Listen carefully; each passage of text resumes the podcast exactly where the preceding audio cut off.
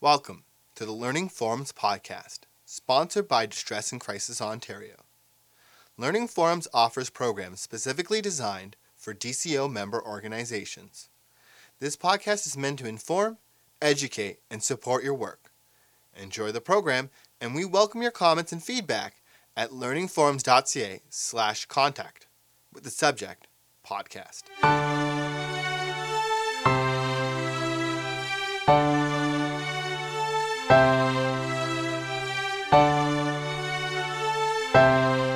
Hi, I'm Yvette Perreault. I'm the Director of the AIDS Bereavement and Resiliency Program of Ontario. And the session today is about resiliency, particularly for you as workers. I want to say a bit about the AIDS Bereavement and Resiliency Program, that we're an organization that's been set up to deal with the impact of loss in workplaces. So our particular focus is on grief, on trauma, on organizational change. And our job is to help workers deal with the effects of that kind of stress as they come in to do their work. I'd like to say that we see stress and loss in workplaces as potential, not pathology. We don't see this as a problem to be fixed, but a source of energy to harness and to help workers ride the waves of attaching and detaching, of hearing traumatic stories and staying balanced in your own lives. We want you to stay fresh as workers. We want you to stay creative. We want you to stay well in the long haul. We want you to learn from the experiences that you have in the workplace. And we want you to be really good at providing mutual support to each other in your team. We want to acknowledge that this work is stressful and that you are also dealing with loss and stress in other areas of your life. It's not just the strain and the stress that you hear when you're on the lines doing the work. So, why foster resilience? Why is this topic important? I want you to think about the last time you were on an airplane when they were having that conversation about when the pressure in the cabin changes, a mask is going to drop from the uh, ceiling, and the flight attendants instruct you to put the mask on yourself first and to take your breaths before you help somebody else, a child or somebody you're traveling with, with their masks. I think the whole conversation about resilience is like that. Make sure that you're getting enough oxygen so that you are able to be renewed and fresh and able to take care of the people around you. So that's what resilience is about. They can do it on airplanes. We can talk about this in this sector, that our own well being matters. So we want you as workers to have an ability to face challenging situations and an ability to re- replenish and renew your spirit and your spark. So when you're taking care of people under stress, you're not drowning in their pain. We also want you to have enough fuel left over so when you go home at night or when you get off a shift, there's enough gas in the tank that you can have a life. What do we know about resilience? The Harvard Business Review says more than education, more than experience, more than training, a person's level of resilience will determine who succeeds and who fails. That's true in the cancer ward, it's true in the Olympics, and it's true in the workplace. So I'm going to talk about resilience from a personal point of view here, but I don't see it as an either or situation. I think we have personal responsibility for our own well-being and resilience, and I also think it's an organizational responsibility. But the focus of this session is on your resiliency and why that matters. So why do you want to nurture your own resilience? You have better work-life balance. You've got gas in the tank so when you get home you can have a life. You're going to make fewer mistakes when you're at work. There's going to be an improved sense of morale. We also know that people who have a, a fundamental sense of resilience will use a less sick time. They're going to use it appropriately. You know, a mental health day is separate from I'm physically sick. We also know in workplaces and teams there's going to be less turnover or less disruptive turnover. You're going to have better teamwork and you're going to have more sustained productivity. I think the basic resiliency tool, the basic tool is reflection, is the capacity to sit still and notice what's going on for yourself. Reflection as a core element. We can't sort out problems and figure out sustaining responses if we're not sitting still enough to say, what's happening to me? And then, why might it be happening? And what do I need to do about it? What have I done before? Or what new things might I need? Right? So, that capacity for reflection is key. And I think too often in this culture, when people say, How are you doing? we're programmed to say, Fine. And we're particularly programmed to say, Fine, if it's your manager or your volunteer coordinator who's sitting there, instead of saying, I may have this smile on my face, but I'm really struggling. So I think part of what we can do in our teams and with our managers is to find a way to say what's really going on. And it, we got to begin from there because if we don't let people know what's going on, nothing is ever going to change. So when I say to you, how are you doing really? I actually want a complicated, complex answer that reflects multi dimensions. So if you're one of those people who says fine every time somebody asks you how you're doing, just notice where there are opportunities in your life where when somebody says, No, no, how are you doing really? and they want a real answer, you cherish those people and you cherish those moments because socially they don't come along very often, and I think they're precious. And I think that's a gift we can give to each other. You know, so the next time you're checking in with somebody on your shift, you got a few minutes, you can say, How are you doing really? and mean it. You know, give it a few minutes to actually have an answer. So when we talk about resilience, we're developing resilience in the face of what? Right? You have your own internal tool of reflection that you're fostering, but what are the external environments or conditions that impact us in this work? And I want to say this about workers it's an appreciation for workers, that's both the paid workers and the volunteers, is that the way that we are able to have a compassionate response, the way that we are able to open and care for people, is the same location that's also going to be a potential for wounding or for hurting. So often I'll hear workers say, I'm having such a big reaction to this person's death or to this traumatic story that I heard, and I don't want workers to see that as a failure, but as you have the capacity for a heartfelt response. Let's help you work with that so you're not taking that pain home. That's my responsibility as a supervisor for debriefing and supporting workers. But I want workers who care, and I want workers who are genuine. So I want to support their ability to maintain that. We attach because we're human. So people will say, I wish I could do this work without feeling the impact of the stress and the traumatic stories that I'm hearing. And what I want to say to workers is you attach because you're human. And when you hear a painful story or some disruption happens in your own life, you're going to be in a grief response, a loss response, and that's a human response. This isn't a problem to be fixed. This is an experience to process and to learn from and to get stronger from. I also want to acknowledge that um, in this work, you come and you're going to hear stressful stories. You've also got other things going on in your life. So, one will be um, your own personal experiences right now. You're also going to be in the experience of dealing with organizational change. This is a social time where programs and services are changing, things are being altered, and that may impact you as well. So I want you to think of these things as balls that you juggle the stress in your personal life, the stress in the work environment, and then the structures in the work environment that may be changing. I want to say a few things about loss that may be helpful to you. And one is that a current loss is going to resurrect old losses. So if you're on the line with a distressed 15 year old who's talking about suicide, you may have dreams that night about a friend who committed suicide in high school. Right? That is perfectly predictable. And I want you to say, oh, this is an opportunity for me to actually do a little process around that because the story is right here, right now.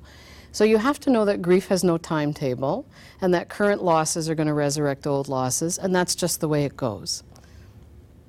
People's responses are varied. So we look at things in a holistic framework the physical, emotional, mental, spiritual. And the variance in response means that some people are going to have stress responses that are emotional. I have big feelings. I cry, I laugh, I get upset. Other people are going to be more mental, which is give me a book to read, I need to understand this through my head. Or they get ditzy and confused. Somebody who could be really good in a conversation suddenly doesn't have their words and they don't even know why they're in the room. You're going to have the physical distress, which is people who may be emotionally okay, mentally okay, but their bodies carry the suffering. And if you're one of those people, you get every cold that's going around, you wake up with a headache, you get the tension in your back, um, you feel the stress physically in your body. And then there's people who carry it um, spiritually, which is I deal with this much suffering in the world. My reaction is one of hopelessness, meaninglessness, despair. The challenge with this work is that we, don't, we have concurrent losses. We don't have time to just absorb and deal with um, a stressful, the impact of a stressful call, and then there's going to be something else. And then there's something in your own life. And then there's something in the workplace. These concurrent losses pile up. So we may be good at dealing with things if they're compartmentalized. It's when they flood in together that we see people having challenges. And what we see as the tone when it gets too much is that people get brittle or people get irritable in that brittle way. Or people who used to be really good at a whole bunch of things suddenly become one note wonders. I don't want to take any more of those calls. I'm just going to do this. You know, people you used to be able to say, Can you cover? I just need to do something, suddenly have, you know, they're tight.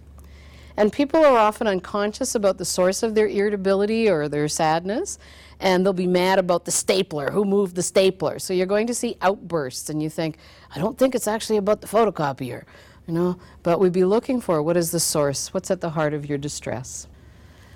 And you know for yourself, right, around the stress of the work, it's when you don't want to go to cover your shift, when getting up to go to work in the morning just feels overwhelming when things are irritable to you that you used to have a compassionate response for, when you don't want to go the extra effort, when you walk away from the coffee pot and don't make a new pot, you know, when it's just hard, when the alarm goes off and you don't want to go anywhere, when you walk up the stairs and think, why am I doing this?